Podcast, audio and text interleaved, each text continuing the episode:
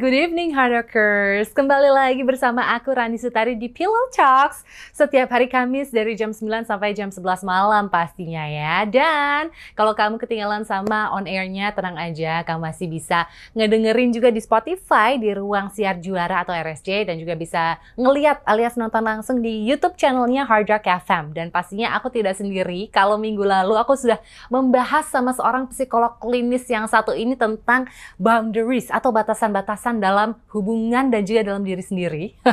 Kali ini kita akan membahas topik yang lebih wow lagi. ini tentang attachment style. Nah, kalau gitu langsung aja Wulan Ayu Ramadhani. Hai. Kembali lagi menemani aku di sini. By the way, thank you so much untuk uh, Royal Suite-nya Hotel Sultan and Residence di Senayan. Ini keren banget ya by the way. Hotelnya gede banget, kamarnya gede banget. By the way, Wulan ini juga sebenarnya uh, seorang psikolog klinis yang fokus ya itu lebih banyak ke anxiety, depression, terus juga kekerasan dalam rumah tangga, kekerasan berbasis gender, dan saat ini Wulan juga punya praktek pribadi sama Zola juga nih di Heart Inc. dan juga di Pulih at the Peak. Nah, ini sekarang aku juga pengen ngomong-ngomong ya. Aku ini kalau tadi kan kemarin aku curhatnya tentang teman aku yang punya toxic relationship gitu ya, gara-gara ngomongin hal-hal yang kecil-kecil gitu ya, jadi ribut terus. Tapi kalau aku beda. Harokers juga kayaknya sudah tahu deh. Karena aku sering curhat.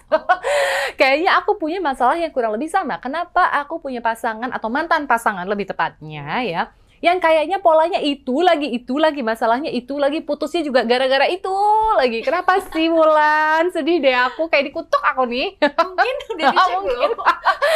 harus ini ya dirukyah ya mumpung lagi iya, lagi puasa harkers oke jadi pola relasi kita di saat dewasa hmm. biasanya itu mengikuti pola ketika kita berinteraksi sama figure attachment kita waktu kita kecil gitu oh. ya waktu kita oh. bayi bahkan nah primary uh, figure attachment ini bisa orang tua bisa oma opa gitu uh -huh. ya atau uh, bahkan misal jadi guru gitu tapi intinya okay. orang yang dianggap penting buat si anak ini jadi kalau misalnya kita tanya gitu, attachment itu apa? Jadi iya, awalnya dia dilakukan penelitian mengobservasi relasi antara primary caregiver sama si anak. Mm. Dan bagaimana si orang tua atau orang di sekitar dia berespon, itu juga membantu anak untuk tahu apakah dunia ini aman apa enggak dan orang-orang di sekitar saya ini bisa memenuhi kebutuhan saya apa enggak atas okay. safety tadi butuh aman secara fisik maupun si emosional, emosional. gitu. Jadi okay. memang istilahnya tuh ada yang bilang kalau attachment ini kan cradle to the grave ya jadi kayaknya kalau di awal okay. punya pola kayak gitu tuh biasanya tuh sampai besar kayak gitu tapi nggak juga kenapa ah.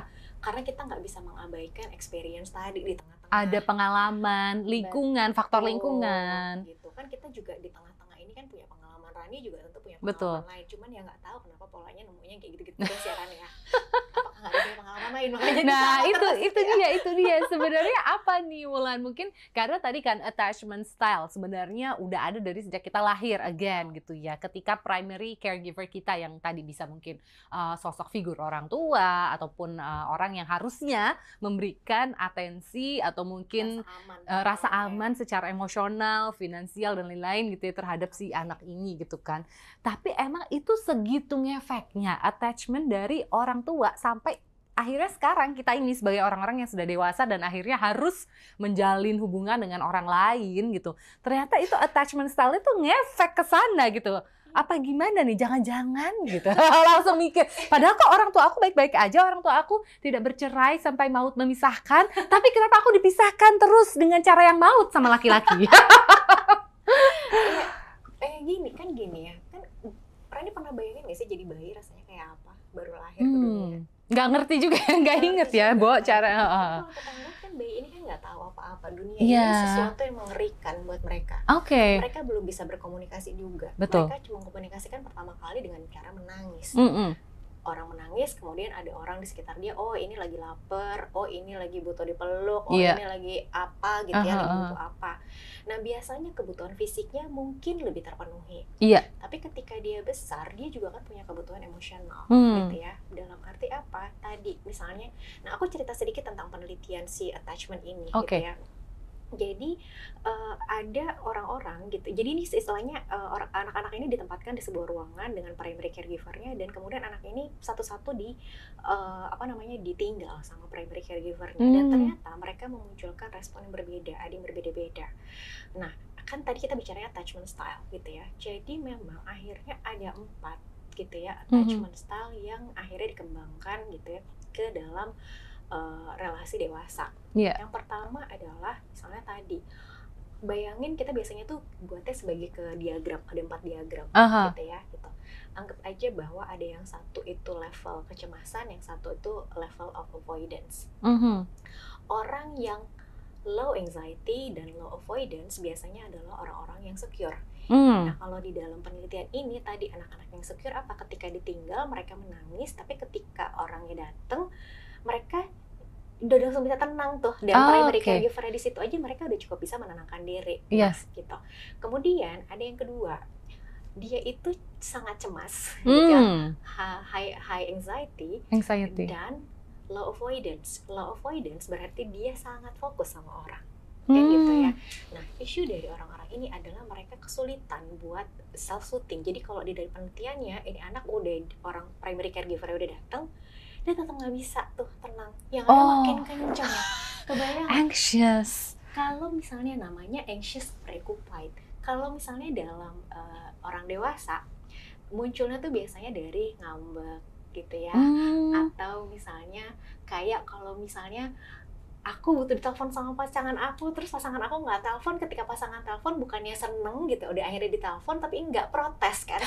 Kamu, kamu lama banget sih. Kamu ngapain aja hari ini sampai aku nggak ditelepon? Kan gitu ya. Ini ternyata si anxious tadi ya, ya preoccupied. ada anxious preoccupied yeah. gitu ya. Jadi mereka ini adalah orang-orang yang memang fokusnya sama orang lain banget gitu. Mm -hmm. Jadi butuh banget orang lain buat membantu mereka menenangkan diri. Ah, gitu. Kenapa? Karena orang-orang ini tuh punya ketakutan yang sangat besar untuk ditinggalkan. Betul. Nah, kalau masuk ke dalam relasi dewasa, biasanya tuh kelihatannya adalah dia tuh kalau dalam relasi tuh pengennya cepet-cepet gitu lah. Pengennya semua serba buru-buru. Kenapa? Oh. Karena takut kalau misalnya gue ketahuan aslinya nanti kalau dia nggak cinta sama gue gimana? Waduh.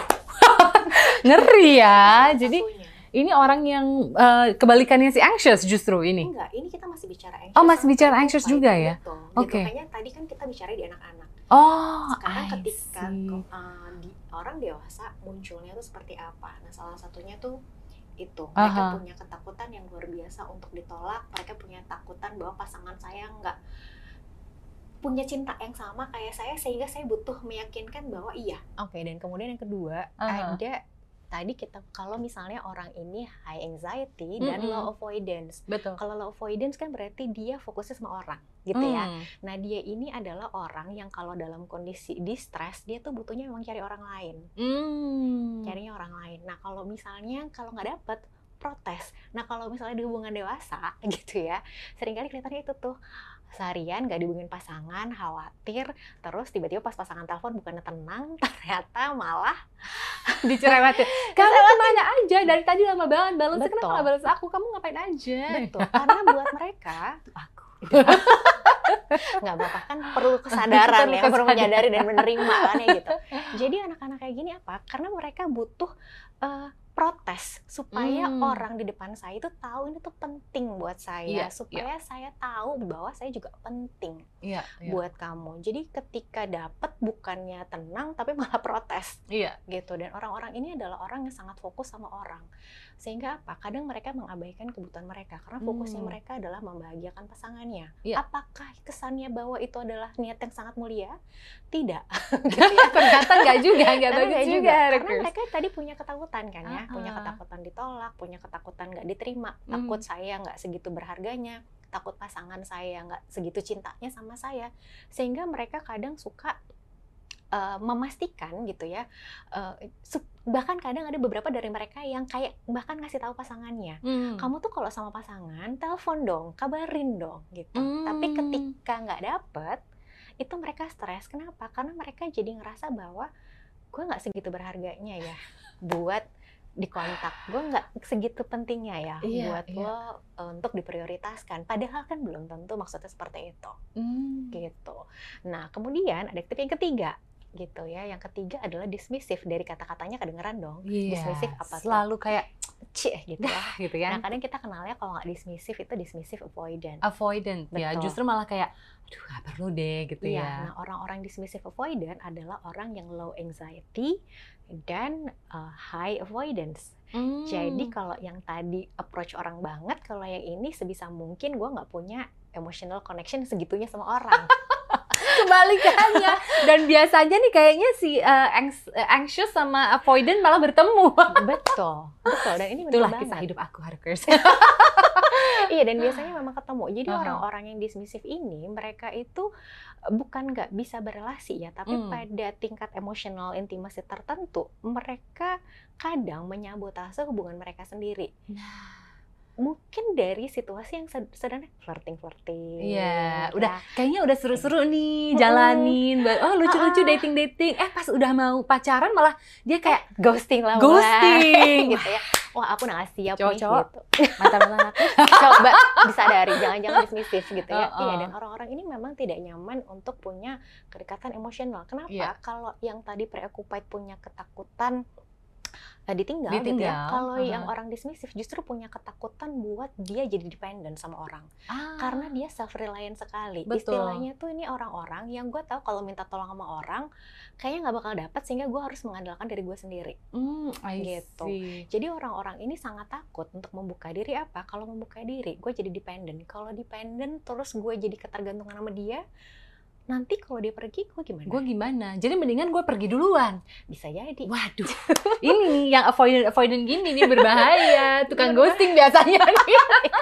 Tukang ghosting iya dan uh -uh. tadi memang akhirnya orang preoccupied memang suka akhirnya ke dismissive dan kebayang nggak yang satu chasing ngejar-ngejar, yang, yang satu, satu suka -uh. semakin dikejar semakin kabur. Semakin ka coba coba coba coba. Tolong coba, Mulan breakdown kenapa ini bisa terjadi karena ini bukan masalah saya saja. Saya yakin Harokers di sini juga mengalami ini si avoidant ketika bertemu dengan anxious ini sebenarnya kan kayak dua karakter yang berbeda banget Betul. gitu. Tapi kenapa bisa ketemu dan uh, menurut aku sih ini kayaknya dua-duanya punya uh, attachment style yang bisa dibilang kurang healthy gitu. Karena yang satu benar-benar dependent, yang satu justru benar-benar uh, independent sebenarnya. Nah, ini kenapa bisa bertemu dan gimana cara mengatasinya? Oke, aku tapi jelasin satu dulu boleh nggak? Boleh. Karena masih ada tadi satu ada lagi. empat soalnya nah, ya. Satu lagi adalah orang-orang disorganized. Disorganized ini dia itu gabungan antara dismissive sama avoid, eh, Hah? sama serius preoccupied. Jadi bisa gak? orang anxious sama avoidant punya melahirkan satu anak lagi nih ibaratnya. iya iya. Ada. Si apa namanya tadi? Uh, disorganized. Disorganized. Jadi, Kalau disorganized gimana? Nah biasanya dia dikenal sama orang-orang yang emotional mess gitu ya. oh, ya. Nggak tahu maunya dia apa. Kenapa? Karena di satu sisi dia pengen punya hubungan, pengen Betul. punya intimasi, Betul. pengen punya kedekatan, mm -hmm. tapi di satu sisi dia terlalu takut buat punya hubungan atau menjalin intimasi. Oh.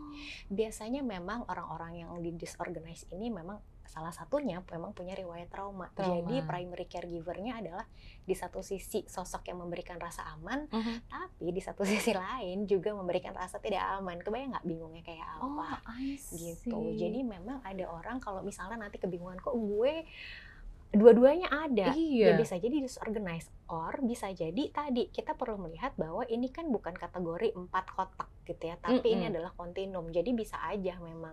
Jadi sekarang nggak penting lo kotaknya ada di mana, tapi sadari aja polanya lebih banyak ke mana. Gitu oh, kan ya, Jadi sebenarnya gitu. uh, satu orang bisa mempunyai attachment style lebih dari satu gitu. Bisa dibilang kayak gitu gitu ya, kayak fluid hmm. aja gitu kali ya Wulan. Tergantung relasinya sama siapa. Ah, I see. Jadi mungkin aku punya secure relationship sama teman-teman aku, pekerjaan aku, tapi ternyata aku uh, punya uh, anxious tadi uh, terhadap pasangan gitu ya. Betul. Oh, terhadap pasangan. Tapi gini, kan sebenarnya gini, kalau misalnya ditanya pola yang kayak apa sih yang bisa menghasilkan si avoidant sama dismissive? Sebenarnya tidak pernah ada penelitian yang benar-benar uh, konklusif atau yang relasinya tuh signifikan hmm. sehingga orang tua yang mengabaikan anaknya istilahnya gitu ya atau tidak memenuhi kebutuhan keamanan anak ini memang benar-benar bisa jadi avoidant dan bisa juga jadi dismissive. Nah, hmm. kenapa akhirnya mereka saling tertarik? Salah satunya adalah yang berbeda itu kan menyenangkan ya. berbeda Harakers itu gitu. yang suka dari awal udah beda agama, beda attachment style. Nasi juga lu hajar Harakers ya. Dan, dan ingat bahwa orang preoccupied ini kan penuh kecemasan. Betul. Sehingga mereka akan mencari orang yang bisa memunculkan kecemasan itu karena itu sesuatu pola yang oh, familiar. Kok malah gitu sih? Bukannya Wah. harusnya kalau orang yang anxious pengennya dapat orang yang oh bisa menenangkan, mengcalming, soothing gitu. Di satu sisi benar uh -uh. menenangkan, tapi ingat bahwa mereka sendiri bisa jadi belum tahu tenang itu kayak apa. Oh my god, that's so Jadi- deep. Jadi si orang-orang yang punya anxious attachment ini karena dulunya udah ngerasa yang uh, anxious itu adalah yang normal, jadi dia mencari yang juga terus turbulence gitu, yang anxious anxious Iya. terus juga gitu. Yang polanya kurang lebih sama. Mirip-mirip lah ya, gitu. ketika dia berhubungan sama si primary caregiver Si orang tuanya mungkin katakan dulu. Iya, anggap Wow. aja bahwa saya dulu tidak punya eh, orang tua yang mendengarkan saya, Mhm. misalnya gitu ya. At- eh, terus dia tertarik sama orang yang tadi dismissive dismissive ini kan bukan berarti dia tidak bisa mendengarkan. Betul. Dia bisa berelasi, hanya pada satu titik tertentu enggak, Enggak. gitu ya, gitu. Jadi nggak fungsional nih. gitu ya. Dan bayangkan bahwa tadi orang yang orang yang apa namanya preoccupied itu sering banget sharing sebenarnya Oke. tentang apa yang dia rasakan meskipun terlepas dari itu tadi bener apa enggak ya yang dia rasakan ya Mhm. gitu tapi orang dismisif dia cenderung untuk menahan gitu ya. Jadi bayangkan nggak sih deg-degannya ini itu kan situasi yang familiar. Ah, Gitu. Jadi memang kayaknya ini bertolak belakang tapi sebenarnya buat orang-orang yang berada di dalam situasi itu ini pola yang familiar. Dan pola yang familiar sering kali rasanya aman gitu Wow. belum tentu nyaman sayangnya Betul, betul, kan betul. gitu sehingga kita butuh nih kenalin pola ini apa gitu pola apakah saya menganggap ini tuh nah kadang yang sering kali juga jadi masalah mereka menganggap deg-degan ini adalah cinta Nah, kan? kan gitu Jadi jadi jadi kalau misalnya nih orang yang tiga insecure ini punya hubungan sama relasi yang secure bisa jadi buat mereka ini terlalu datar emosinya karena boring terlalu karena nggak dapet nih deg-degannya dipikirnya kalau deg-degan tuh udah pasti cinta padahal deg-degan yang ada jantungan Harokers ya Tapi bener nggak sih kita tuh besar dengan oh kalau cinta itu ada butterfly in our Iya. stomach. Padahal sih bener sebenarnya belum tentu loh. Gitu.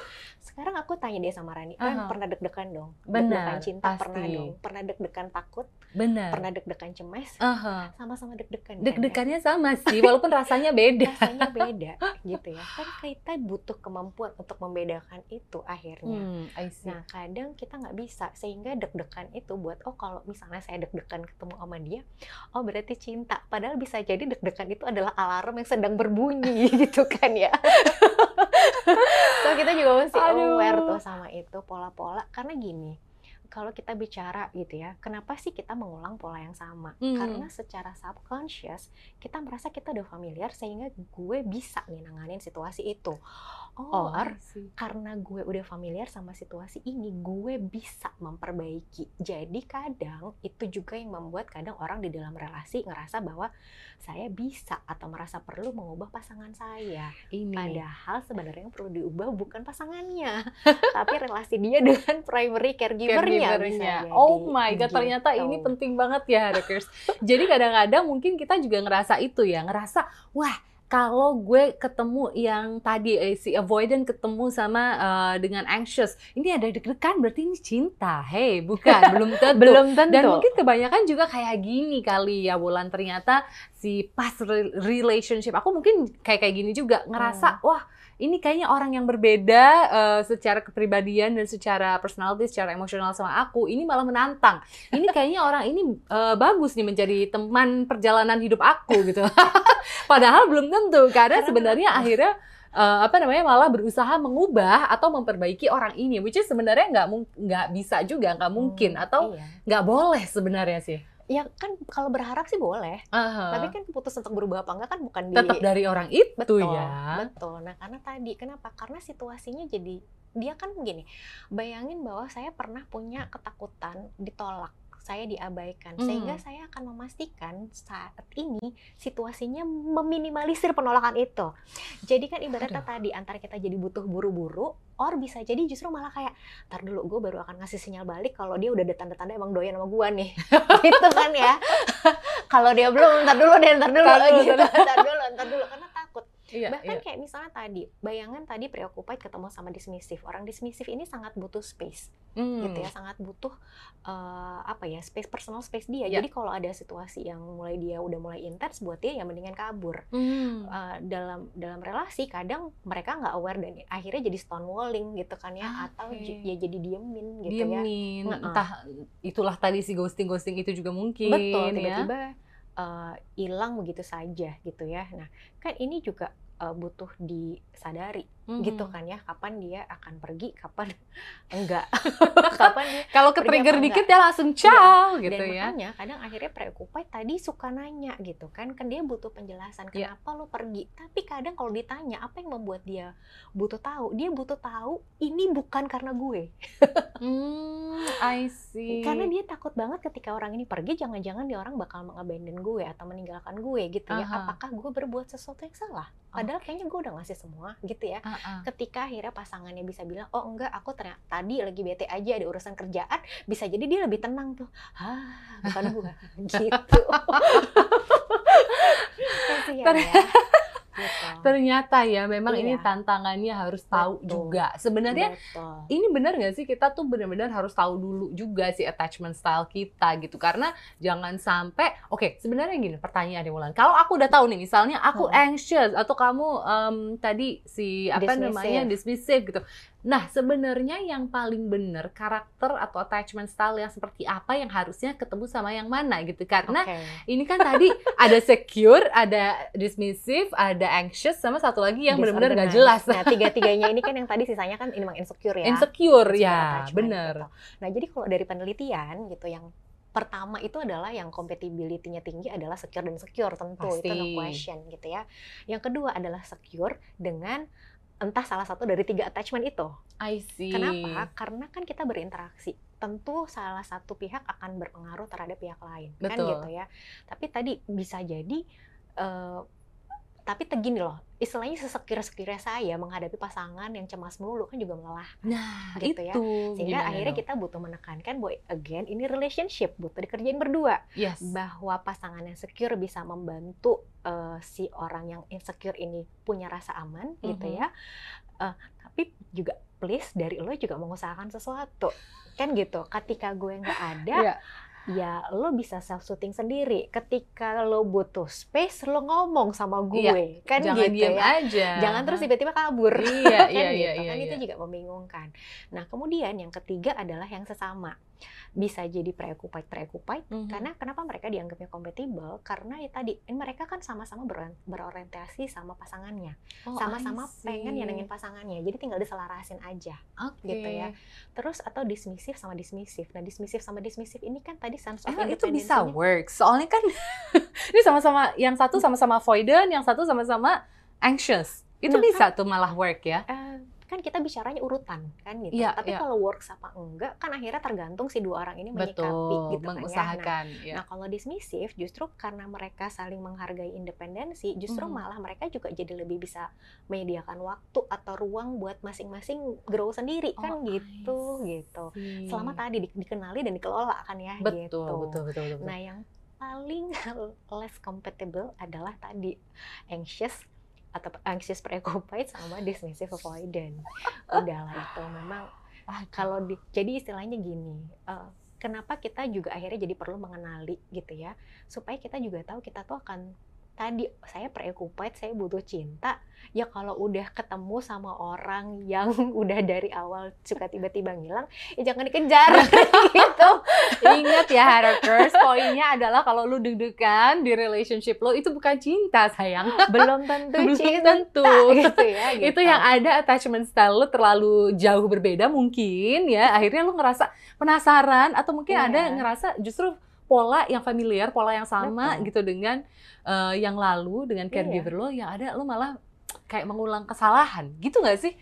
Nggak bisa bilang kesalahan karena belum tentu itu salah. Oke. kan gitu ya makanya ketika kita bicara attachment style kita sebenarnya lagi nggak nyari siapa yang salah Mhm. tapi lebih menyadari bahwa apa pun yang terjadi sama diri kita itu tuh ya produknya sekarang kan gitu kayak misalnya tadi dismissive gitu ya kan dia tidak mampu eh, apa ya bukan tidak mampu dia bukan tidak suka loh dikejar. Aha. dia suka loh again pada level keintiman tertentu dia kabur. Jadi istilahnya kalau misalnya kita juga akhirnya mau cari pasangan yang berkomitmen ya mungkin salah satu yang butuh ditanyakan adalah buat dia komitmen itu seperti apa gitu. Bagaimana Oh, komitmen buat dia. Benar, benar, gitu benar. kan ya. Karena mereka bukan tidak mau tapi bisa. Jadi kayak ada terms and condition ya gue masih punya Oh, paham. space nggak ketika gue berelasi karena mereka takut. Sehingga kalau misalnya tadi preoccupied ketemu dismissive ya sadari aja bahwa masing-masing punya kelebihan dan kekurangan.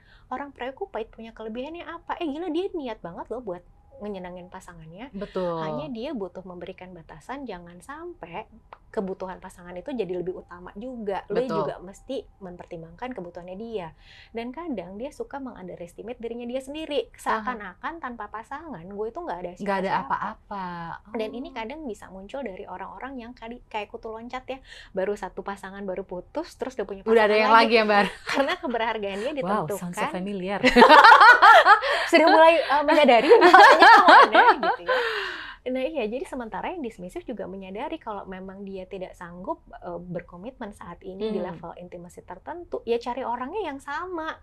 Oke. Jangan terus juga deketin, udah jelas orang-orangnya udah cari pasangan mau nikah, lo nggak mau nikah, tapi lo pepet juga, kan gitu kan dibelin ya. Iya iya iya Intinya iya. sih iya. sebenarnya sadarin aja bahwa orang dismissive tadi kelebihannya dia adalah dia mampu ngasih ruang dan ngasih space Oke. sehingga orang ini juga bisa jadi apa ya mengembangkan ya dirinya grow- sendiri iya, grow ya ya gitu, bisa grow their self kan, ya. gitu. Oke, berarti intinya Harokers next time lo lagi mau mencari pasangan atau mungkin lagi kayak baru uh, date pertama kedua udah harus tahu dulu nih ekspektasinya dan stylenya seperti apa Harokers ya. Jangan sampai ya kan lo udah uh, kayaknya seru, seneng tiba-tiba Iya. yang satu avoidant, yang satu uh, dismissive gimana mau Iya. ketemu. Iya, yang tadi balik lagi ya nggak apa-apa selama dua-duanya memang Berusaha mau, ya, gitu, kan, mengusahakan. mengusahakan gitu kan ada orang yang akhirnya juga jadi ya udah gue emang kayak gini oh ya udah kalau kayak gitu tinggal lu terima aja nih kalau lagi kayak gini dia mau apa enggak kalau enggak jangan Iya Ya iya udah. iya iya. Nah, tapi kan itu jadi sulit ya. Kadang kebutuhan kita untuk disayang dan terima itu kadang mengalahkan kata jangan yang sudah mungkin terngiang-ngiang di kata sini. Itu kan beda lagi tuh ceritanya. Udah kasih alarm dengan deg-degan yang tadi. Jadi intinya Harokers belajar. iya iya iya iya iya intinya sih Harokers harus tahu bukan cuma tahu masalah Hmm. attachment stylenya juga tapi harus tahu ya itu kali ya Eh, apa-apa aja ekspektasinya juga Betul. terus kalau masalahnya tuh gue cuma mikir gini sih kalau memang udah terlanjur di ada di hubungan yang tadi kurang sehat secara atta- attachment style atau udah disadarin ternyata attachment style jauh berbeda at least lo berdua tuh bener-bener sama-sama mau membangun Betul. bridge-nya gitu karena kebanyakan kan kayak ya udah gue kayak gini ya udah lo kayak gitu ya udah terima gue apa adanya gitu kebanyakan kan kayak Iya. gitu yang kan satu frustrasi pengen ngubah, yang satu tambah kabur nggak pengen berubah kan gitu. itu dia Ya kan kadang gini, mm, kadang kan gini, eh, ketidak eh, apa ya, nggak punya rasa safety di masa kecil itu kan juga nggak menyenangkan, bukan nggak menyenangkan Betul. ya bisa jadi jadi traumatis buat beberapa Hmm. orang. Dan ketika kita bicara attachment trauma, ini sifatnya adalah intergenerasional. Jadi bisa jadi ketika saya punya attachment trauma, bisa jadi orang tua saya juga punya. Jadi Ah, sehingga oke please buat hard rockers yang juga lagi ngedengerin saat ini eh, jangan sampai kita menurunkan trauma yang sama kan ke anak-anak atau siapa pun Setuju. penerus kita kalau berencana punya anak betul gitu ya, betul gitu betul ya. betul betul jadi ya please kalau pola ini masih terus berulang sadari dan coba deh gitu ya untuk pelan-pelan memanage iya iya iya supaya lebih tadi ya lebih tahu sebenarnya lu meskipun insecure lu juga punya kelebihan tapi lu butuh sadar dulu kan I gitu. see. Iya, iya. Aku, aduh ngerasa ini banyak banget sih insight-nya hari ini dari Wulan ya. Karena memang uh, bener nih ya, kalau memang apalagi bukan cuma uh, hubungannya saat ini Harkers sedang berpacaran atau pasangan, uh, tapi juga sudah memutuskan untuk mem- ingin mempunyai anak. Nah, aku juga Hmm. takut juga sih sebenarnya ternyata akan menurunkan uh, attachment style yang uh, kurang baik atau kurang sehat. Nanti akhirnya anaknya juga jadi malah mengulang Iya. pola yang sama juga. Wah, Tapi ini aku nambahin harus. juga. Tapi juga gini, jangan terus akhirnya ketika saya menyadari attachment saya terus jadi ada Mhm. pertanyaan kan kadang suka. Jadi mendingan gue benerin dulu apa gimana? Nah, apa iya. gue jangan berelasi? Sebenarnya enggak. Karena Jadi nggak apa-apa tuh ya dengan maksudnya aku tahu sadar masalahnya apa, pasanganku juga sadar masalahnya apa. Nggak apa-apa tuh untuk terus uh, ngejalanin. Nggak apa-apa karena gini, human nature-nya manusia itu kan terkoneksi sama orang. Betul. Kita bisa tahu secure apa enggak atau tahu rasa aman apa enggak kan dengan terkoneksi sama mm -hmm, orang. Mm -hmm. Paling enggak dengan punya pasangan kita jadi sekarang jadi lebih aware lagi. Bisa jadi ada trigger-trigger tertentu nih. I kan see. gitu. Kita baru kenal setelah kita berinteraksi. Kalau enggak kan kita adem ayem aja, orang nggak ada triggernya, okay. orang nggak ada sesuatu yeah, yang yeah. membuat kita membuat perlu kita, mengenali benar, atau benar, yang men-trigger tadi kebutuhan-kebutuhan kita yang uh -huh. perlu disadari. So nggak apa-apa gitu. Terutama pastikan bahwa kita sendiri punya paling enggak satu gitu ya uh, figur atau orang yang kita punya relationship tadi secure. Supaya tadi bisa bedain.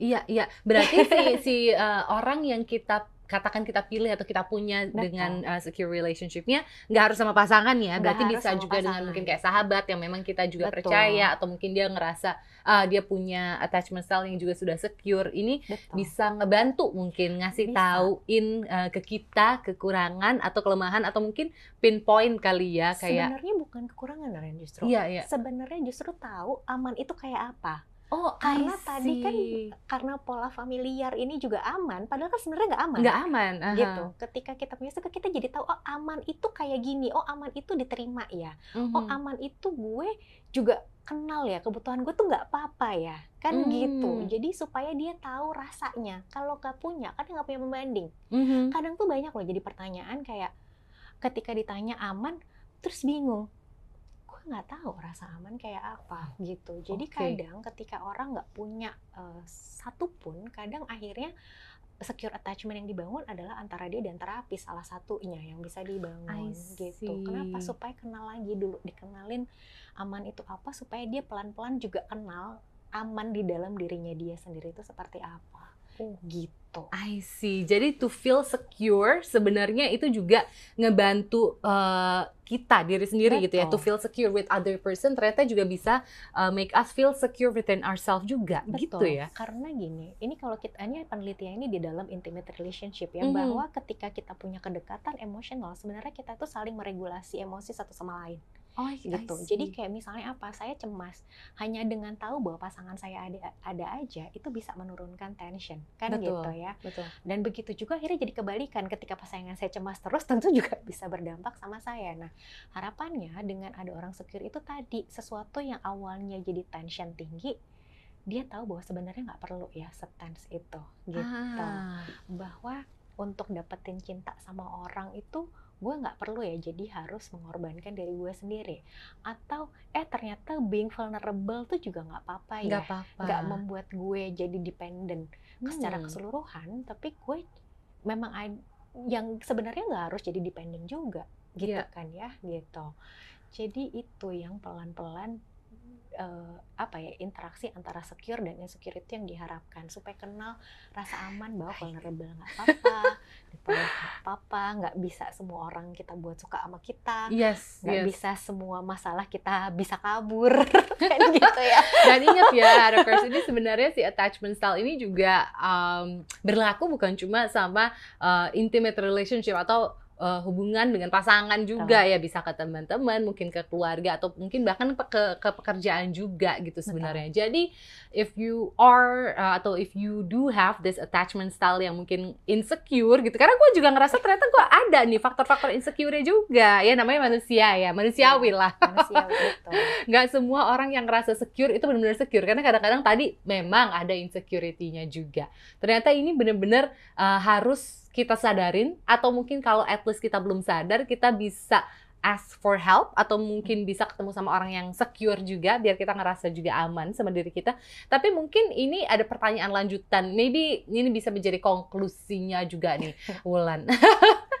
Kalau kita udah punya uh, pasangan atau hubungan yang tadi tuh ternyata uh, insecure dan secure dan lain-lain gitu yang uh, ternyata kok kayaknya kita masih belum bisa juga nge-crack gitu. Udah tahu nih misalnya aku salahnya di sini, katakan aku punya attachment style yang seperti ini, tapi tetap aja belum bisa merubah atau belum bisa menjadi pasangan yang baik misalnya. Nah, ini apa what to do gitu? Apa solusinya? Apakah emang harus go to professionals atau apa nih? Karena kadang banyak orang yang bingung. Kayaknya sebenarnya gue bisa jadi better tapi gue gak tahu harus gimana. Iya. Nah, kan gini, kalau misalnya kita bicara level kesadaran gitu ya Aha. terhadap isu gitu ya. Misalnya saat yang pertama pertama adalah denial. Saya nggak punya masalah. Ah, Kedua adalah saya tahu punya masalah, tapi kayaknya orang lain juga punya deh gitu ya. Aha. Jadi masih antara denial tapi udah tahu tapi masih agak Masih. denial dikit gitu kan ya. Terus yang ketiga adalah saya punya masalah tapi biasanya masih pointing fingers. Ini mhm. salahnya siapa? Gitu ya termasuk ke dalam diri sendiri ya seakan Oke. gitu. jadi salah itu bisa atau bisa nyalahin oh, orang tua saya dulu begini gitu ya jadi masih uh, pointing Pointing fingers fingers. gitu ya Uh, jadi kan apa ya jadi akhirnya seakan-akan saya begini itu karena kesalahan orang, Orang lain lain. ketimbang untuk bertanggung bahwa memang apa yang orang lain lakukan itu salah dan punya dampak terhadap saya dan bagaimana saya mau mengatasi ini sekarang kan Hmm. gitu.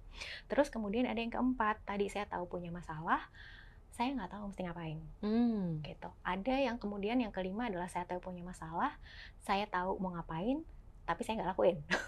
ada juga gitu ya. Terus ada yang keenam adalah tadi saya tahu punya masalah, saya tahu mesti ngapain dan saya mulai melakukan gitu. Ah, So kadang kita juga butuh menyadari saya itu taunya di level kesadaran saya itu di level yang mana Oke. gitu. Dan kalau memang tadi sulit untuk nge-crack, ya mungkin sudah saatnya butuh bantuan profesional. Nah, ini juga akhirnya terkait sama orang ya. Kadang kalau misalnya ke profesional tuh rasanya harus udah buruk dulu gitu ya. Iya, iya, iya, iya. Padahal kan enggak. Jadi banyak orang punya ketakutan gitu ya ke profesional karena aduh jangan-jangan gue punya trauma yang terus nanti gue traumanya dikorek-korek. Emang Gitu. bukannya begitu kejadiannya? Eh, kan tidak selalu Nggak gitu ya. selalu, ya. Dalam arti gini, kalaupun memang mesti dikorek, kita tentu akan sesuai dengan basic kliennya. Iya. Kalau dia belum sanggup dikorek-korek, kita juga nggak akan ngorek-ngorek. Mhm. Dan biasanya justru di awal-awal sesi justru mempersiapkan gitu kan ya. Dia kita tuh untuk ngecek dulu, eh ini sebenarnya itu luka, lukanya udah pulih atau masih terluka jangan-jangan kan Oke. gitu.